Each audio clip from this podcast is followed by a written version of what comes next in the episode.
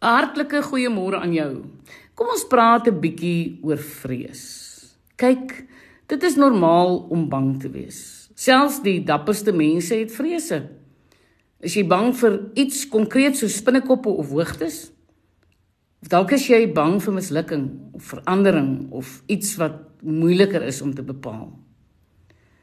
Jy jy mag dalk dink jy het nie 'n probleem met vrees nie, maar jou vrees dra net ander baadjies. 'n Mens noem dit gewoonlik twyfel, bekommernis of onsekerheid, maar eintlik is dit niks anders as vrees nie, hoor. Ehm um, ons moet leer om dit wat ons vrees te herken en dit te konfronteer en dan beheer te neem daarvan sodat niks jou inperk nie. Jy kan nog gerus in die spieël kyk en erken dat dit oukei okay is. Jy voel nie oukei okay nie, maar jy's nie gek nie. Jy's 'n mens met emosies en dat jy iets daaraan gaan doen. Want wat ons nie besef nie is dat ons het regtig die gawe van moed ontvang. Ons as kinders van die Here.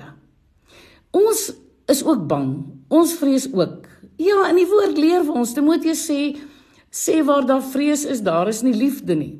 En daar is soveel verse in die woord om presies te wees 365 verse in die woord wat ons waarsku teen vrees omdat dit skadelik is vir ons liggame en omdat dit ons blydskap steel. En daarom kan ons dikwels nie in oorwinning leef nie want ons is bang.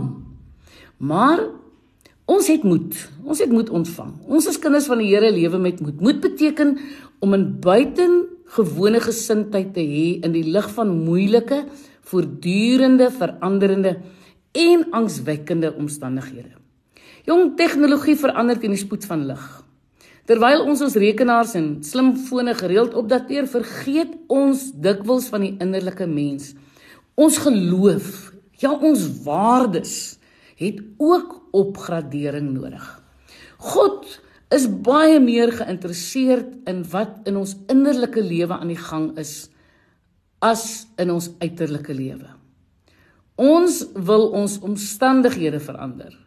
Hy wil ons denke verander. Want as jou denke verander, sal jou hele lewe verander.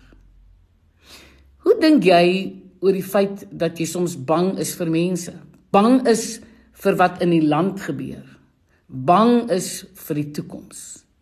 Dink jy dalk dat gelowiges eintlik nooit vrees behoort te ervaar nie?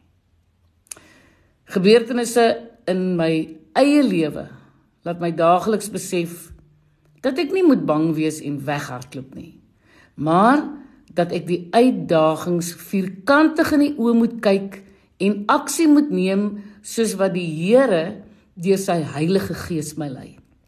En weet jy wat? Jy kan natuurlik ook dieselfde doen. Vrees is 'n natuurlike reaksie.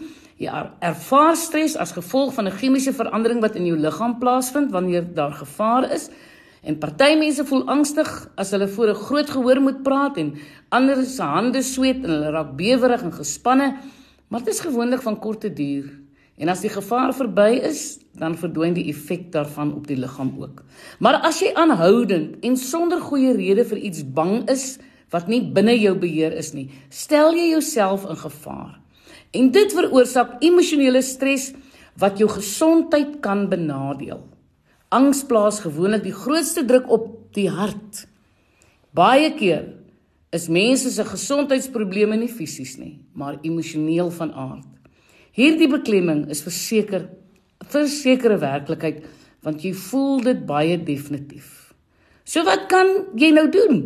Erken die gevoel van vrees, maar neem dan beheer daarvan en beweeg vorentoe ongeag van hoe jy voel. Moenie dat dit 'n houvas op jou kry nie, moenie dat dit jou geluk steel nie. Hoe doen 'n mens dit? Deur totaal en al te rus in die wete dat God in beheer is. Net geloof kan jou deur vrees help. Want wanneer jy in geloof lewe, fokus jy nie op die probleem nie, maar jy fokus op God en jy bely positief dat die Here jou ook deur hierdie moeilike tyd sal help. Moenie fokus op jou probleme nie. Fokus op God wat groter is as jou uitdagings. Ek is Lenet Beer vir Radio Kansel.